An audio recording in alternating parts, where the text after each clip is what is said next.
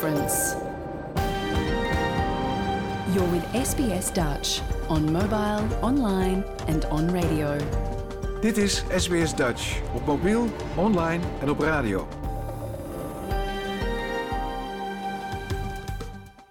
Graag erkennen wij de traditionele eigenaren en verzorgers van het land, van waar we vandaag SBS Dutch uitzenden, en uiten we ons respect aan de Camaragal mensen van de Kurungay Nation en hun ouderlingen uit het heden en het verleden. Ook kennen we de traditionele eigenaren van alle Aboriginal en Torres Strait Islander landen, van waar u vandaag naar ons programma luistert.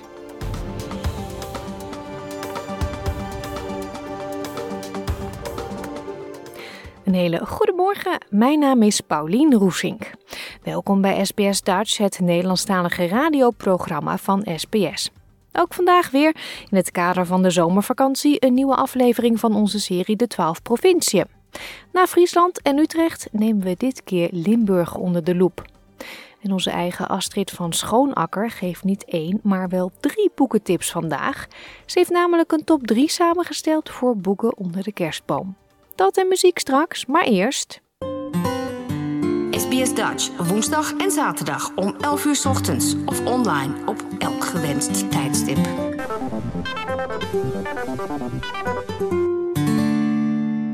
Natuurliefhebbers worden aangespoord om lekker naar buiten te gaan en met de Frog ID-app kikkergeluiden op te nemen. Dankzij deze baanbrekende en in Australië gemaakte app zijn al vijf nieuwe Australische kikkersoorten geïdentificeerd. Met meer dan 240 soorten in Australië, elk met een unieke roep, heeft hoofdwetenschapper Dr. Jody Rowley geholpen bij het ontwikkelen van een app waarmee kikkers kunnen worden geïdentificeerd door een gekwaak op te nemen. Dr. Rowley zegt dat na de lancering in 2017 tienduizenden burgerwetenschappers aan de slag zijn gegaan met de Frog ID-app om te helpen met onderzoek naar natuurbehoud. One of the challenges was we didn't actually know that much about frogs, so we were making guesses when it came to what species and what places needed our help. So we needed a frog army, and thanks to Frog ID, we have a frog army across Australia that are helping figure out where frogs are, how they're doing. De gratis app is een unieke kikkerdatabase geworden en is een hit bij kinderen en hun ouders. Moeder Diana Fernandez zegt dat ze net zo gek is op de app als haar kind. They love the iPads, they love all the devices. If that device can teach them about the environment about frogs and keep them entertained for five minutes, that would be great. Mensen die helpen de kikkers in het wild te identificeren is slechts een deel van het project. Met inmiddels bijna een miljoen geluidsopnamen heeft de Frog ID-app geholpen bij het identificeren van vijf nieuwe soorten. Ook zijn, naar aanleiding van de bevindingen in de app, 20 onderzoekspapers geschreven en was het zelfs de inspiratiebron voor een door Genomineerd album.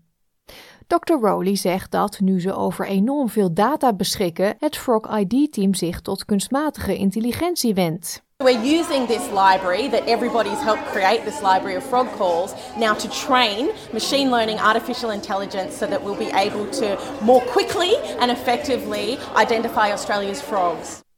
De minister van Toerisme van New South Wales, John Graham, zegt dat het onderzoek naar verwachting niet alleen de gezondheid en het gedrag van de Australische kikkers zal blijven blootgeven, maar ook de toestand van het milieu zelf. We know that these frogs are giving us crucial information about the state of our country's natural health. Uh, we know the climate's changing. There couldn't be a more important time to be doing this research. Uh, spotting these frogs, sending the information back here, learning about our country and its changing climate as we go. Er wordt aangenomen dat vier Australische kikkersoorten al zijn uitgestorven en met 15 gaat het heel slecht. Over de hele wereld worden twee op de vijf kikkersoorten met uitsterven bedreigd. En men hoopt dat middelen zoals de Frog ID-app de internationale natuurbescherming naar een hoger plan kan tillen. Maar voorlopig zegt Dr. Rowley dat ze er erg naar uitkijkt om tegen het einde van dit jaar 1 miljoen opnames te bereiken in de app. We do have people across the world that are really keen to get similar projects to understand and conserve their frogs and understand their environment better. So maybe one day Frog ID will be global. At the moment, we're the pioneers in that space, uh, and yeah, we're, we're doing fantastic. So everyone wants wants to try. Dit was een verhaal geproduceerd door Alexandra Jones en Kira Hain voor SBS Nieuws en door SBS Dutch vertaald in het Nederlands. In de SBS Dutch-serie Leer Nederlands proberen we iedere week geïnteresseerden die graag de Nederlandse taal willen leren een beetje op weg te helpen. De minilessen van een paar minuten zijn in het Engels en worden verzorgd door lerares Nederlands Joyce Diebels van Dutch with Joyce. Deze les gaat over de verjaardag en hoe je iemand kunt feliciteren.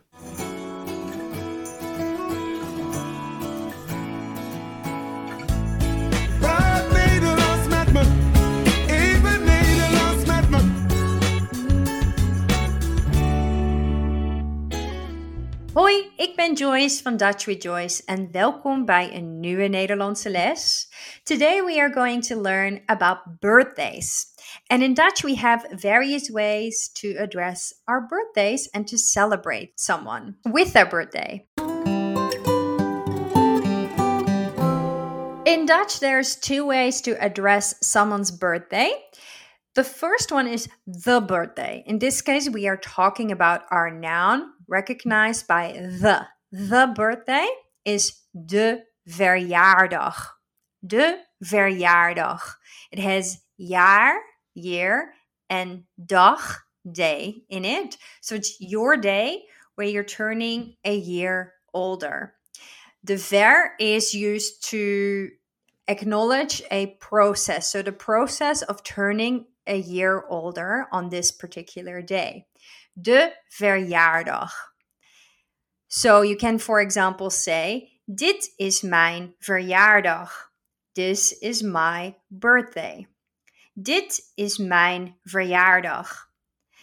Another thing that you will hear a lot is ik ben jarig. Ik ben jarig. This means something similar to I am birthdaying. In this case, jarig is a adverb, not a noun. So you can't interchange verjaardag and jarig. So you can't say ik ben verjaardag, I am birthday. No, you're jarig. Ik ben jarig. You can also say het is mijn jarig. Because then you're going to say it is my birthdaying.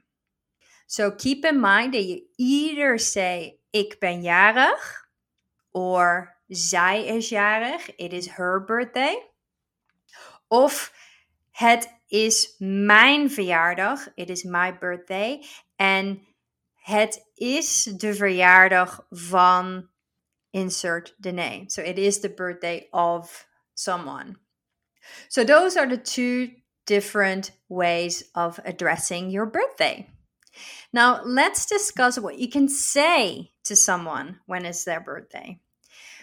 The most common one is gefeliciteerd, which means congratulation. And congratulations is used in any type of way that you would congratulate someone. So, gefeliciteerd. Gefeliciteerd. Gefeliciteerd. In conversational Dutch, we also like to say feli, as in a shorter way of gefeliciteerd. We can also say van harte. Van harte means congratulations, but it's more from the heart. It has heart in it. Van harte. You can also combine the both of them, making it extra special to congratulate someone. Van harte gefeliciteerd. Van harte gefeliciteerd. Number three is proficiat. Proficiat. Proficiat. Again, means congratulations and can be used quite in a general way. Proficiat. Now, if you want to specify that you're congratulating someone with their birthday, you can say gefeliciteerd met je verjaardag. Gefeliciteerd met je verjaardag. Congratulations with your birthday. Then, lastly, there's also Dutch birthday songs. And one of them is Lang zal ze leven. You can Google it and learn the song. But lang zal ze leven means long shall they live. Lang zal ze leven. Lang zal ze leven. And those are the vocabulary for someone's or your birthday. So if it is your birthday today or your birthday coming up soon, gefeliciteerd met jouw verjaardag. And until next time. Dankjewel. Doei.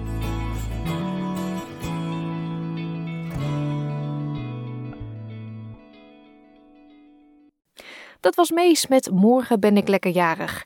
En daarvoor de mini-les Leer Nederlands over verjaardag en jarig zijn. Alle zinnen en woorden uit deze aflevering zijn terug te luisteren op onze website www.sbs.com.au Dutch. Klik linksbovenin op podcastseries, daarna op Leer Nederlands en u krijgt een overzicht van alle reeds uitgezonden afleveringen. SBS Dutch op mobiel, online en op radio.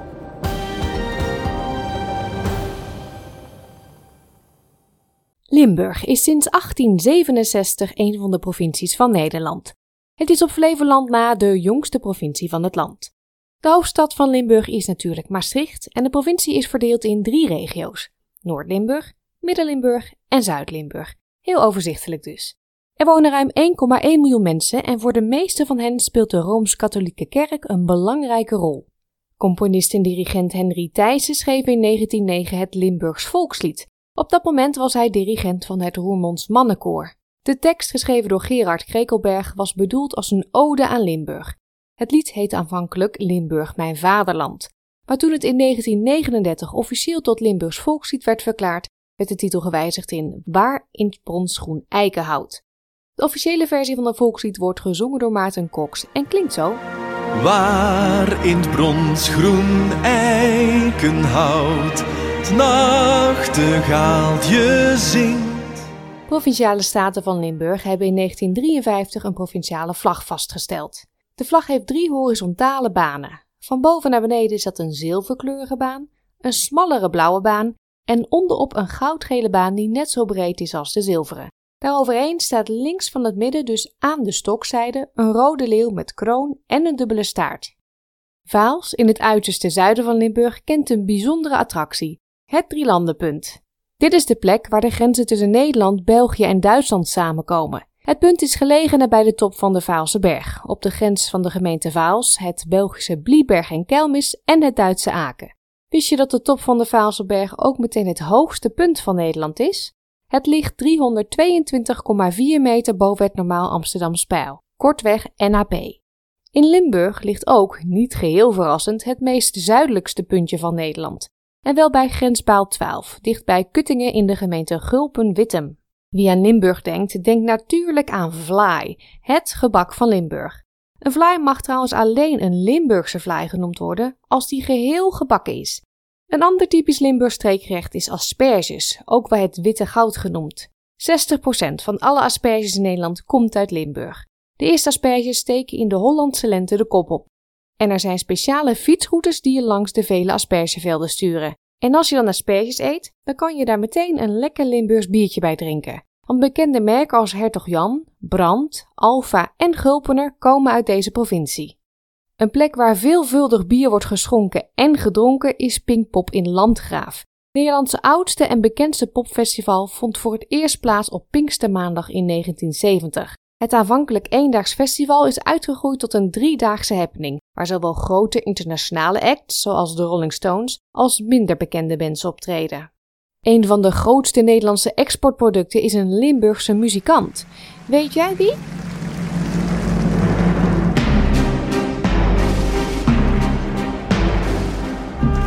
Ja, dat is natuurlijk de koning van de wals, André Rieu. Rieu is een van de grootste mannelijke soloartiesten ter wereld. Al jaren reist hij met zijn Johan Strauss Orkest de wereld over. Een jaarlijks hoogtepunt is de reeks concerten op het Vrijthof, midden in zijn stad Maastricht. En daar komen duizenden fans vanuit de hele wereld op af, ook fans uit Australië. From Australia, yeah. And you came specially for the concert, or you was in Europe and? Uh... No, we just special booked this ticket for the, this concert. And you fly back tomorrow? Yes, we do. Yeah? Yes.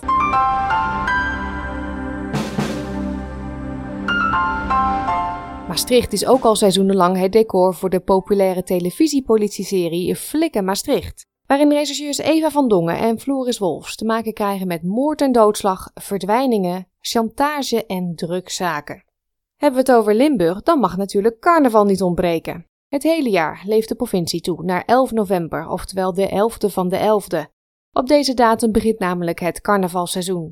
Tijdens vastelavond, dat is Limburgs voor vastenavond en het woord voor het Limburgs carnaval, staat heel de provincie op zijn kop. Het dagelijks leven staat een aantal dagen stil en het landschap kleurt voor een paar dagen rood, geel en groen. En daar hoort natuurlijk ook Limburgs carnavalsmuziek bij. Zoals deze, Kampioenen van de Nacht van Spik en Span.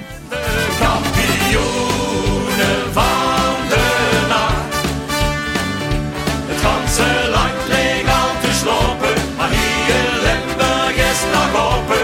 Zo, we zijn al veel te weten gekomen over de provincie Limburg. Ook deze aflevering spreken we met echte kenners.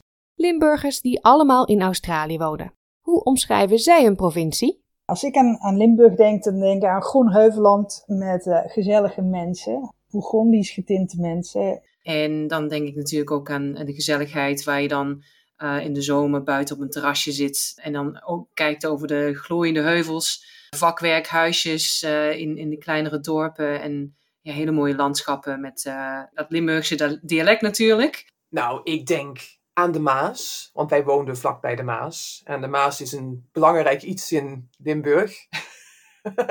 ik heb wat spectaculaire overstromingen meegemaakt in mijn tijd, dus dat was altijd uh, een belangrijk iets. Ik denk aan vlaai. Ik mis mijn vlaai. Mijn ouders zorgden altijd dat er vlaai is als er belangrijke dingen zijn als verjaardagen of uh, bezoek of wat dan ook. Aan kapelletjes en kruisbeelden op landwegen. Dat zie je overal in Limburg. Dat is altijd zo apart. Chauvinisme toch wel? Volgens mij is dat toch uh, ook de Franse invloed die wat uh, met het dialect te maken heeft. Hollanders van boven de rivieren, die zien wij niet echt als, als landgenoten. Volgens Freek den Braber zijn Limburgers dus chauvinistisch. Freek groeide op in Elslo, in de buurt van Maastricht, maar woont inmiddels in Warrnambool, Victoria. Marja Poels, ook woonachtig in Victoria, maar dan in Gippsland, merkte naar vroegere woonplaats Roggel ook dat er niet altijd even positief werd gepraat over niet-Limburgers. Met name Roggel heeft altijd een, een, een joekel van een camping. En, en komen dus heel veel mensen van alle streken van Nederland op vakantie. En als je er dan in de supermarkt tegenkomt, dan hoor je heel vaak het commentaar van een, een, een Limburger van, ah, moet je luisteren, daar heb je die Hollanders weer. Het is altijd een vrij negatief beeld. Terwijl er best, misschien best aardige mensen zijn, ik weet niet. Wat maakt Limburg nou zo anders dan de rest van Nederland? Je hoort als eerste de in Melbourne wonende Ingra Brinkman uit Landgraaf. Doordat uh, de Limburgers uh, heel erg hun eigen dialect hebben, uh, onderscheiden ze zich heel erg van de andere provincies. Ze onderscheiden zich daarin ook van Friesland. Want zo, voor zover ik weet is, heeft Friesland gewoon één, één taal. En daar zijn ze natuurlijk enorm trots op. En het Limburgs mag ook niet een taal heten, want het zijn dialecten. Maar het zijn zoveel verschillende dialecten dat de mensen van Kerkrade, als ze hun eigen dialect spreken, de mensen van Maastricht niet begrijpen en de mensen van Roermond niet begrijpen, omdat het gewoon totaal andere dialecten zijn.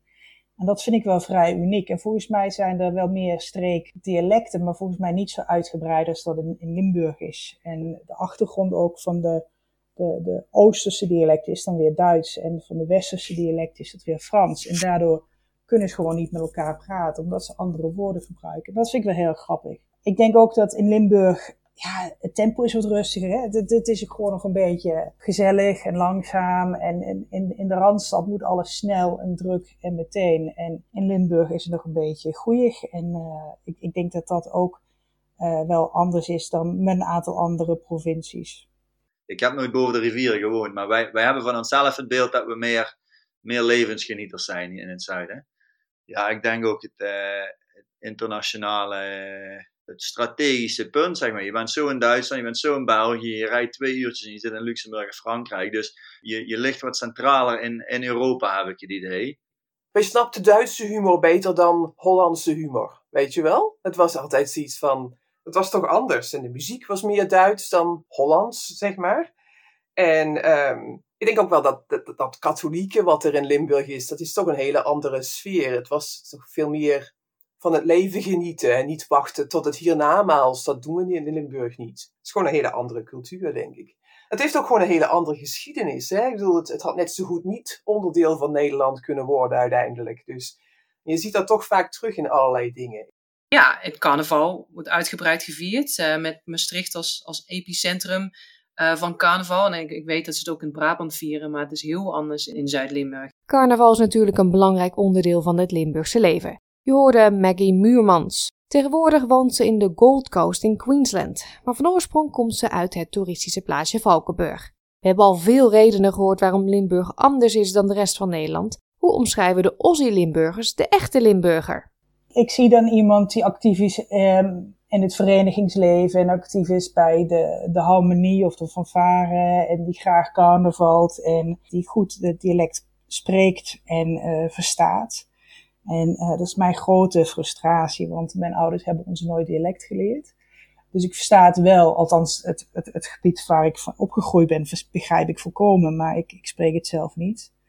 En ja, je moet natuurlijk wel ook van carnaval en, en vla houden. Ja, wij noemen dat vla, iedereen in Nederland noemt dat vlaai. Maar, um, en dat, dat, is natuurlijk wel uh, essentieel aan een, uh, aan een Limburg, dat ze dat zo uh, fijn vinden en lekker. Echte Limburgse echt heel ja, zachtaardig en, en gul bent. Ook met, met het uitnodigen van mensen en, en met, met je geld. Dus niet dat je echt heel erg op de centen zit te letten, vind ik, met Limburgers. Ze zijn echt nodig je uit, ze trakteren je, ze houden van het trakteren en, en van dat, uh, ja, dat, dat sociale uh, bij, bij elkaar komen. En dan het, ja, dat goede leven, denk ik ik dacht altijd dat Limburgs wat meer, uh, wat meer kalemaan waren, ook op professioneel gebied. Iets, iets minder rap-rap, iets minder deadlines, iets minder pressure. Maar nu hier in Australië, als je hier met een bedrijf probeert samen te werken, nou hier is pas helemaal no worries. Wat ik ook ervaar is, maar goed, is misschien ook wel Nederlands of Limburgs. Ik heb het idee dat we ook uh, meer recht door zee zijn dan andere mensen. Als iets, iets niet bevalt of als iets wel bevalt, dat dat, dat, dat gelijk begrepen wordt in plaats van dat er uh, doekjes omheen gewonden worden. Misschien ook wel uh, conservatief hoor. Beetje ouderwets en, niet zozeer van verandering houden. Misschien klopt dat ook wel. Mijn ervaring, um, als je in Limburg woont, heb je een grote kans dat je een muzikant bent en in de lokale fanfare of harmonie meespeelt. Want dat is een hele grote traditie, vooral in de kleinere dorpen. Dat hoort er gewoon bij. En een echte Limburger, dan had je toch op zijn minst wel eens een keer in een processie meegelopen om te bidden dat een of andere heilige wat betere regen zouden krijgen voor de, voor de boeren of, of, of iets dergelijks, weet je wel. Eh, of je was op bedevaart mee geweest. Je had, was uh, bij het katholiek meisjesgilde, dat was dan onze versie van de scouting. Voor mij, ik ben daar heel erg mee opgegroeid met, met, de, met de kerk en met dat katholieke en met ja, harmonies en fanfares en dat soort dingen. Dat is, dat was echt, dat is echt Limburgs. En schutterijen. Schutterijen, dat zijn eigenlijk schietverenigingen. Dus dat, zijn, dat, is, wat, wat, dit is heel erg historisch. Dat kwam als een soort, in de middeleeuwen neem ik aan, dat het eigenlijk een soort burgerwacht was. En die hebben allemaal die hele mooie traditionele kostuums. En die, die oefenen dus met, met uh, doelschieten, zeg maar. En, en daar worden wedstrijden in gehouden. En elk jaar, elke paar jaar, is er iets dat heet het Oud-Limburgs Schuttersfeest. En dat is een prachtige optocht van al die mensen in die prachtige uniformen met hun, met hun geweren en weet ik veel En dan gaan ze dus uh, wedstrijden houden. En uh, het, het, team dat wint, dat dorp mag dan de volgende keer dat feest organiseren. En uh, ik weet nog dat ons dorp dat op een gegeven moment gewonnen had. Nou, dat was geweldig. Dat is zoiets als de wereldkampioenschappen voetballen winnen. Het wil niet zeggen dat iemand anders dus die naar Limburg verhuist uit, uiteindelijk toch ook niet uh, hè, dat gevoel kan krijgen. Maar ze zeggen altijd geboren en getogen Limburgers. Die begrijpen het gevoel wat, je, wat, wat er hoort bij bijvoorbeeld carnaval. Ook in deze aflevering natuurlijk de vraag of ze trots zijn op Limburg en zo ja, waarom? Ingrid Fransen is de eerste die antwoord geeft op deze vraag. De geboren Reuverse woont inmiddels al meer dan 20 jaar in Adelaide, South Australia het klinkt heel, en, te mijn leeftijd en ook dat ik natuurlijk in de muziek zit, maar André Rieu, joh, dat is onze man. Uit Limburg, daar word ik trots van. Kan ik altijd tegen andere mensen zeggen, ha, die was van ons, André Rieu. nee, ik denk dat je gewoon trots ben. Want ik, ik, ik spreek nog steeds Limburgs en ik ben best trots op het feit dat wij toch wel een beetje ja, wij zeggen altijd, oh, dit is een dialect, het is geen echte taal. Maar ik denk dat mensen langzamerhand toch beginnen te waarderen hoe uniek het is dat je die cultuur hebt. En dat die toch wel heel sterk is nog. En dat het leuk is om daar toch iets mee te doen. Dat betekent niet dat je geïsoleerd hoeft te zijn en denken van, oh, wij zijn Limburgers en wij zijn beter dan alle andere mensen. Maar het is gewoon, je mag best trots zijn op die aparte dingen die je, die je hebt. En daar mag je best aan vasthouden wat mij het, trots maakt, is, is dat uh, ja, ik vind toch dat Limburgers uh, heel zacht, zachtaardig van karakter zijn, vergeleken met uh, zodat andere provincies. Ik hou van, van wielrennen, ze vooral om te kijken op televisie. En uh, ik denk dat, we behoorlijk trots zijn op, op onze, Limburgse wielergeschiedenis. Met, met de races en de renners die we daar hebben. En ehm, Ronaise zijn we trots op.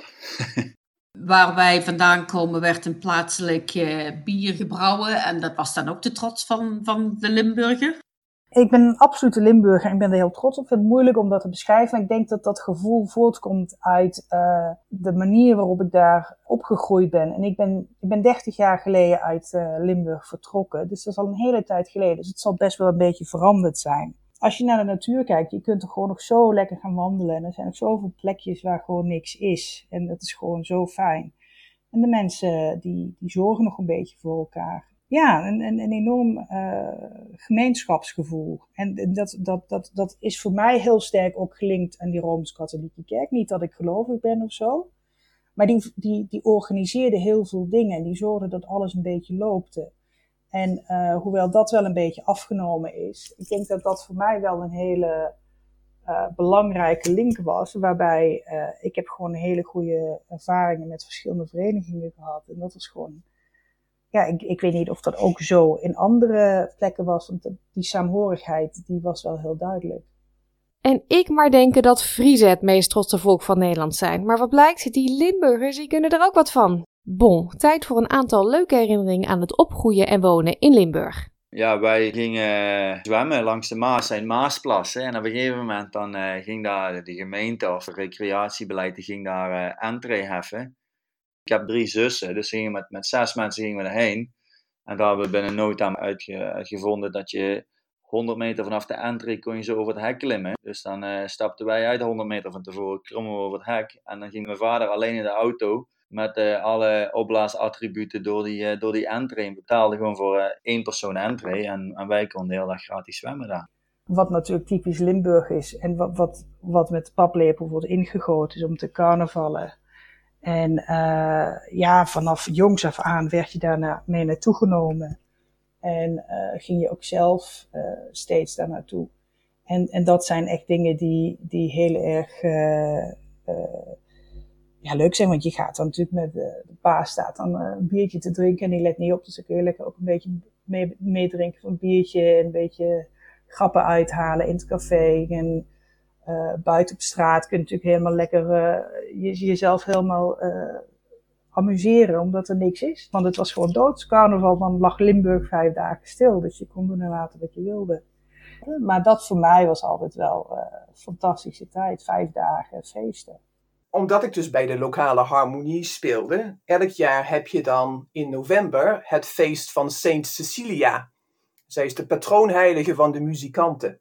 En dat was altijd een, er werd er dus een heilige mis gehouden, waarbij de harmonie dan de muziek verzorgde. Maar het vele leukere was op de echte Saint Cecilia dag, en ik weet niet meer precies welke dag in november het was, maar dan namen wij dus gewoon vrij van school. Ik weet niet eens hoe we dat nou deden. Maar dan begonnen we om tien uur s morgens bij een kroeg. En dan gingen we elk, alle kroegen van het hele dorp langs. En we marcheerden van de ene kroeg naar de andere met de muziek. En dan s'avonds was er een groot feest. En dat was gewoon een excuus. Iedereen nam de dag vrij. Dat was Sint Cecilia. Dat was een perfecte reden om gewoon een dag vrij te hebben, muziek te maken en alle kroegen te bezoeken in het dorp. Dat deden we elk jaar en dat was geweldig leuk. En ik weet nog één jaar, toen hadden we besloten dat we wel de grens over naar het volgende dorp konden gaan. Want misschien was daar, daar was een goede kroeg en daar wilden we eigenlijk ook wel heen. Maar dat hoorde eigenlijk niet, want dat was een ander dorp en daar was een andere harmonie. En toen kwamen we elkaar dus tegen, want zij hadden blijkbaar hetzelfde idee om bij ons een kroeg te gaan bezoeken. En het had die, die dag gesneeuwd. En toen hebben we uiteindelijk allemaal onze instrumenten langs de kant van de weg in de sneeuw gelegd. Belachelijk als je er nu over nadenkt. we hadden allemaal al redelijk wat kroegen bezocht. En we hebben een groot sneeuwballengevecht gehouden met het andere harmonieorkest. Ja, dat was heel leuk. Ik had dan zelf een paard en dan elke zomer gingen we dan het hooi en stro binnenhalen met, uh, ja, met een aantal families. En dan mocht hij tractor rijden en dan uh, het hooi en stro inzamelen. En dan hup met de hooivork op de, op de aanhanger trekken. En dan aan het einde van de dag ja, had je dan al het hooi bij elkaar. En dan had je een hele heerlijke maaltijd dat je dan samen, samen van genoten. En dat was hard werken, maar echt heel, uh, heel gezellig. En echt zo'n lokale traditie om dan dat hooi elk jaar binnen te halen.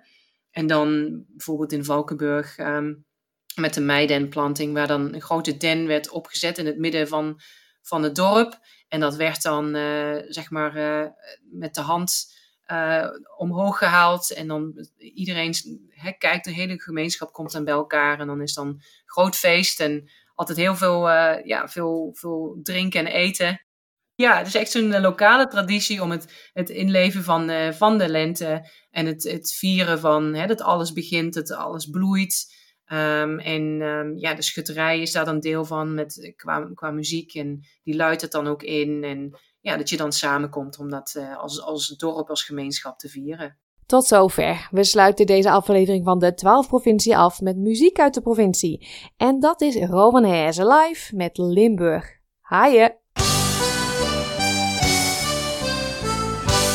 Het is een kwestie van geduld, rustig wachten op de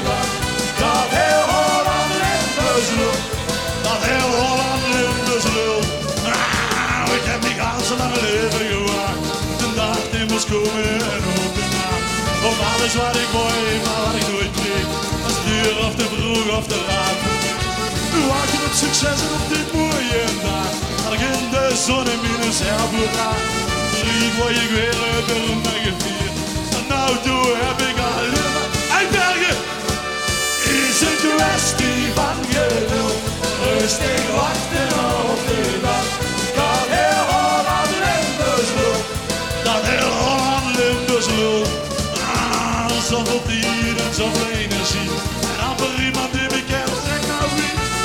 Soms heb ik bedoeld, het kunt nog al wat meer.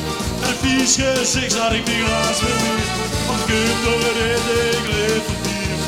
Ah, ik vroeger maar doorgeleerd. Denken, denken, denken, ik begreep het niet. Maar ik weet nou, hoe dat ik met z'n allen. Het is een kwestie van geduld. Rustig wachten op de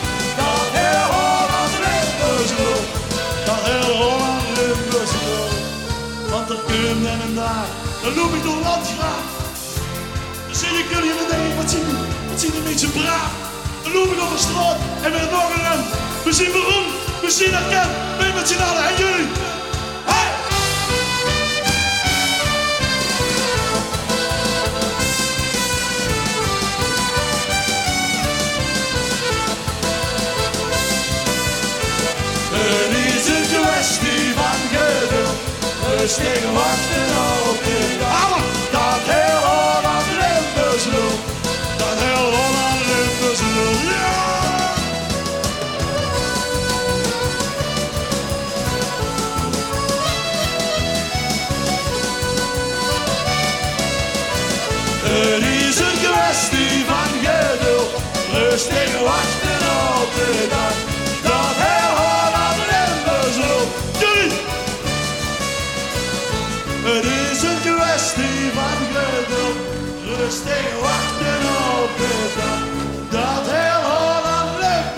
Loopt. Hallo! Het is een kwestie van geduld. Rustig wachten op de dag. Dat heel Holland Limbus loopt.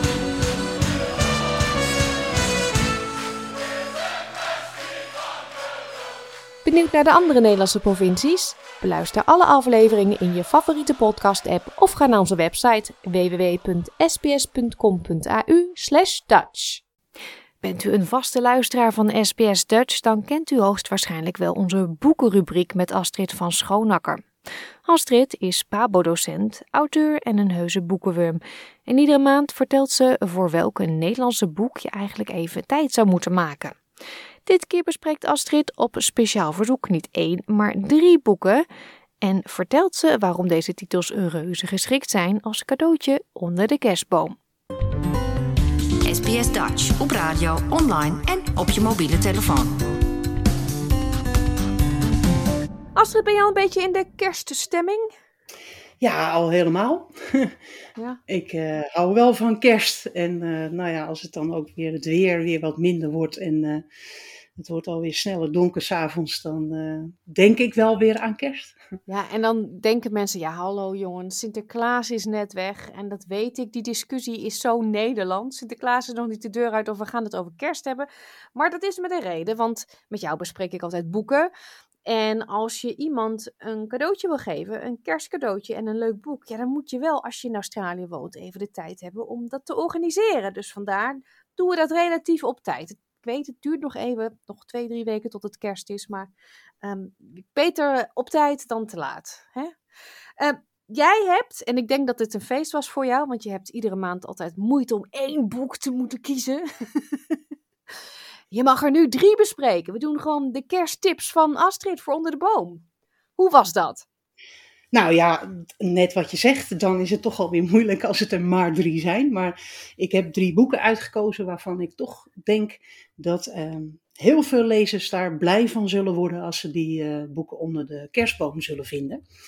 Nou ja, en ik heb ook aan jou gedacht, want ik weet eh, dat jij, Pauline, heel erg van eh, spannende boeken houdt. Dus ik heb ook ervoor gezorgd dat er een spannend boek onder de kerstboom komt te liggen.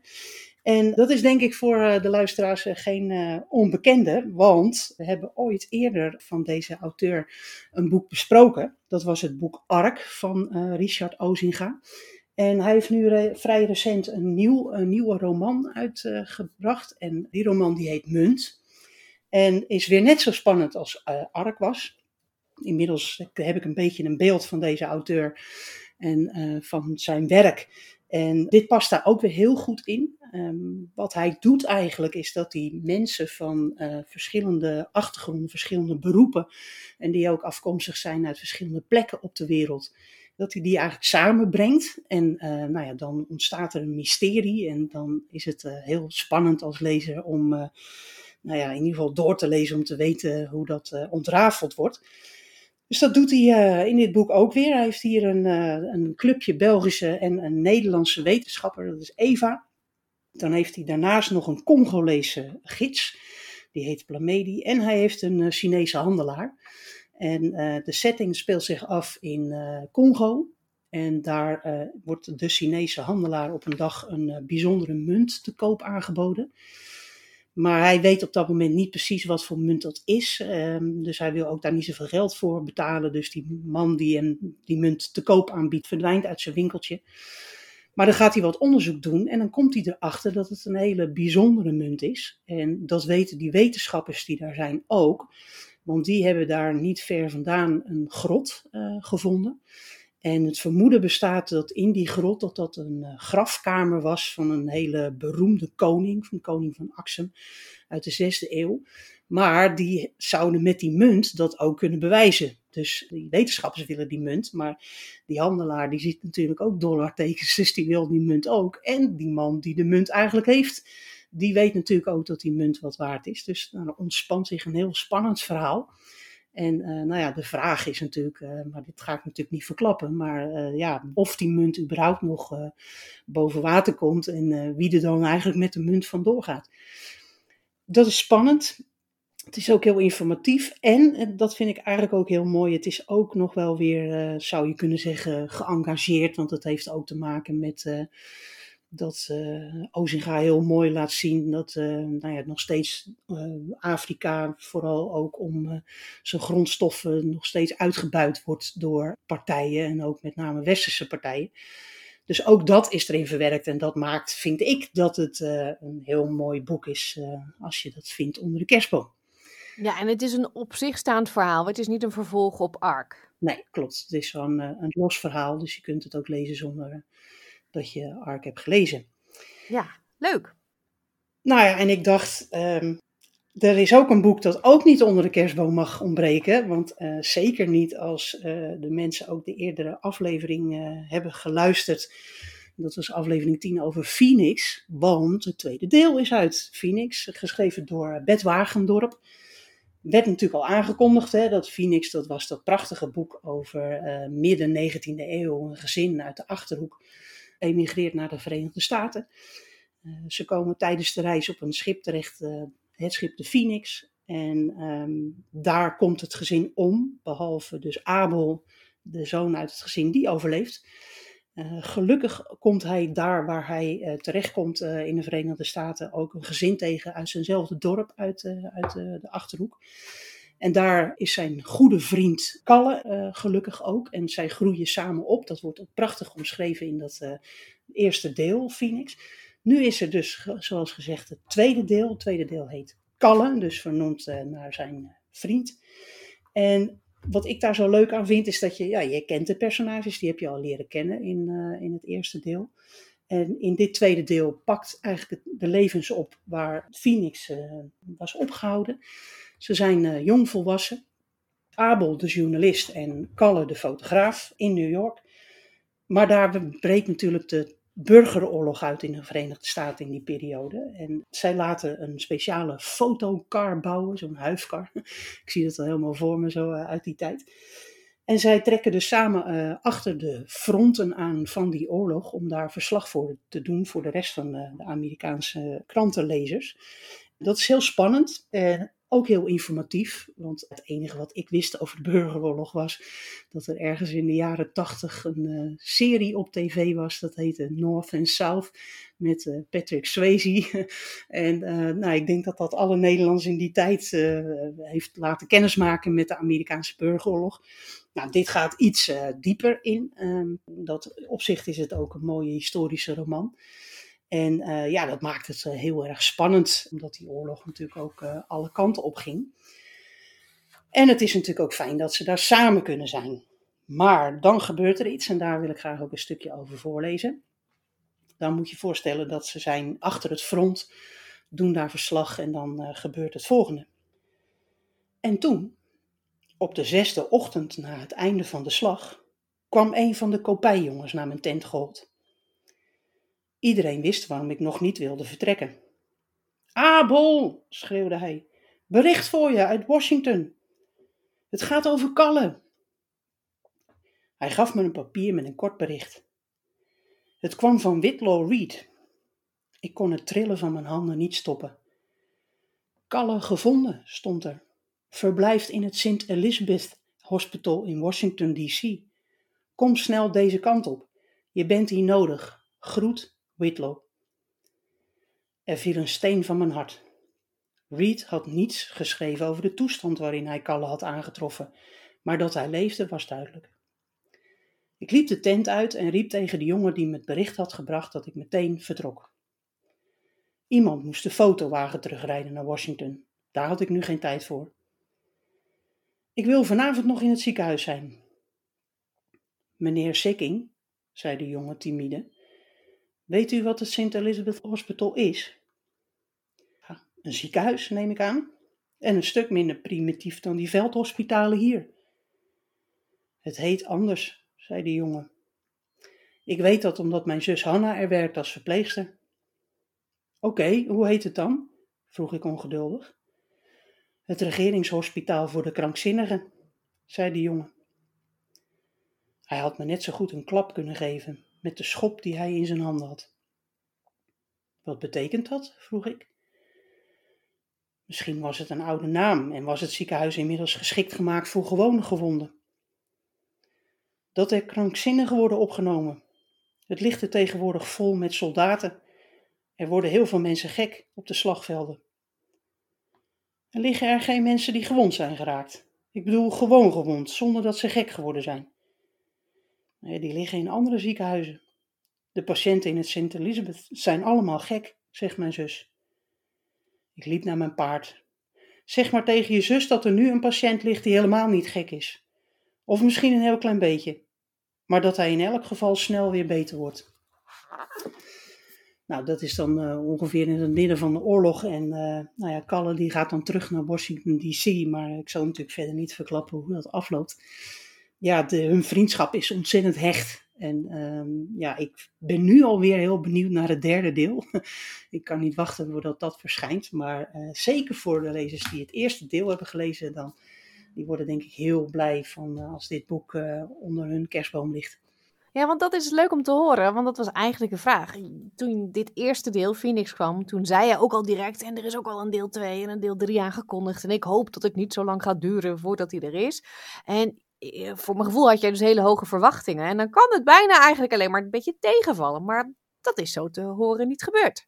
Nee, zeker niet. En uh, nou ja, ik denk dat dat ook komt omdat uh, Bert Wagendorp en heel goed omgaat met de historische feiten maar ook ontzettend goed in geslaagd is om die personages als Abel en Kalle en ook verder alle andere personages, om die zo neer te zetten dat je ja, als lezer verbind je met hen en voel je ook die spanning en die vriendschap. En nou ja, daar waar het als kind ging om uh, een bepaalde levensfase waarin je allerlei dingen tegenkomt die je herkent, dat geldt natuurlijk hier ook weer. Dat je in je jongvolwassen leeftijd wel Abel die wordt ook verliefd. En dus uh, daar uh, zit hij dan ook mee dat er iemand op hem wacht hè, terwijl hij aan het front is. En ja, dat, dat heeft Bert Wagendorp echt, echt mooi omschreven. Dus het derde deel kan eigenlijk al niet mee eens tegenvallen.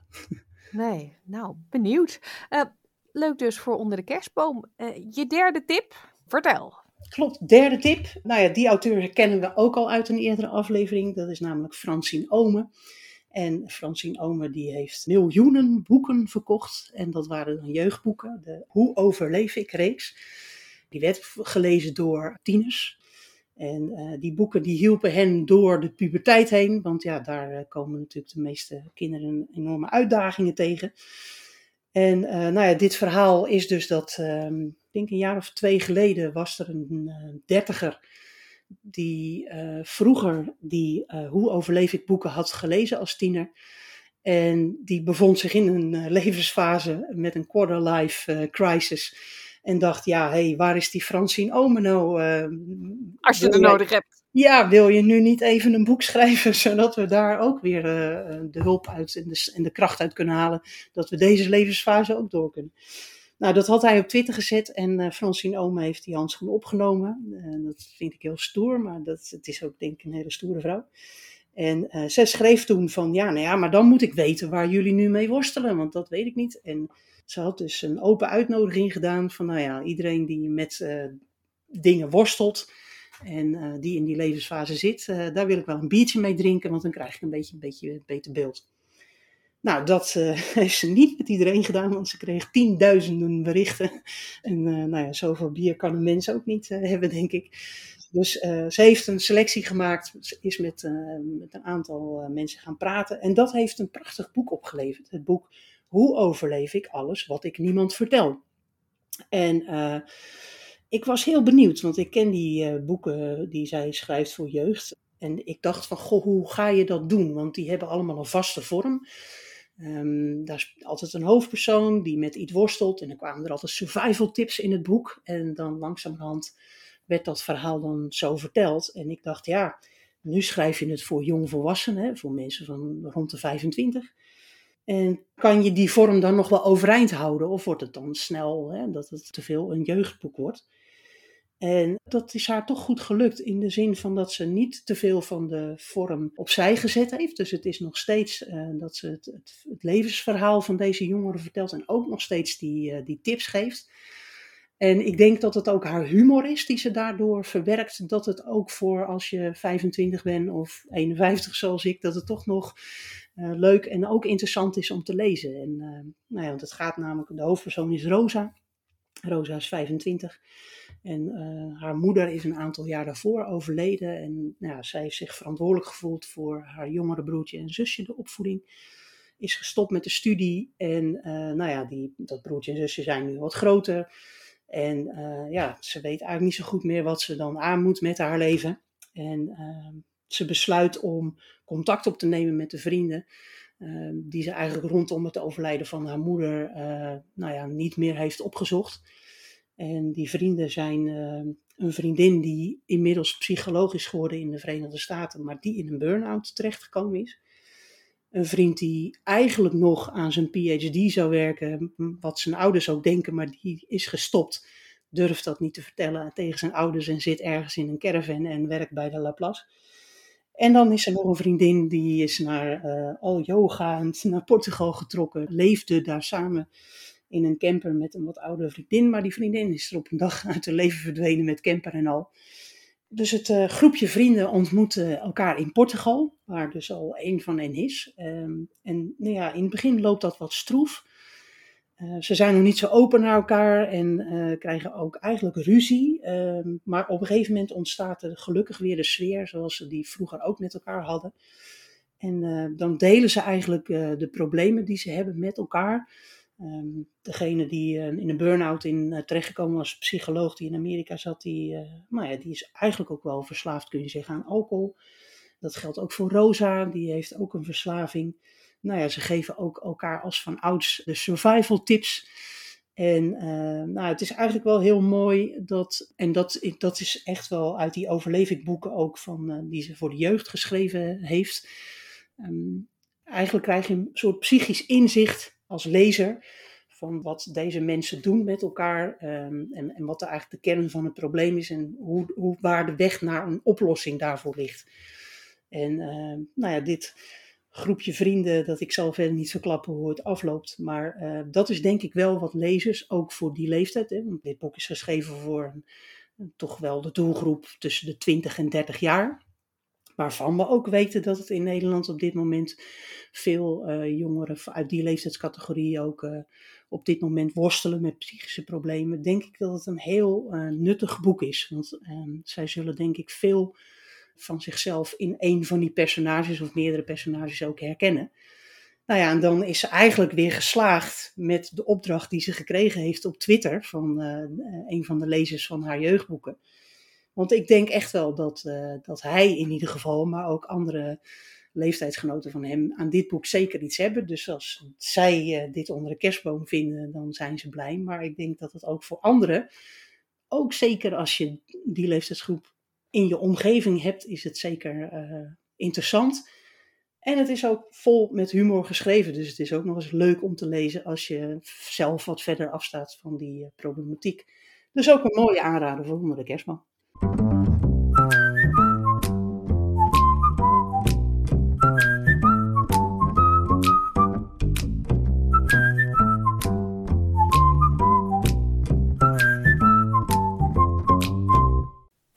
Tot zover deze aflevering van SBS Dutch. Al onze afleveringen, verhalen en podcastseries zijn te beluisteren op onze website www.sbs.com.au Dutch. Of u kunt de gratis SBS audio app downloaden. Dit kan in Google Play of de App Store.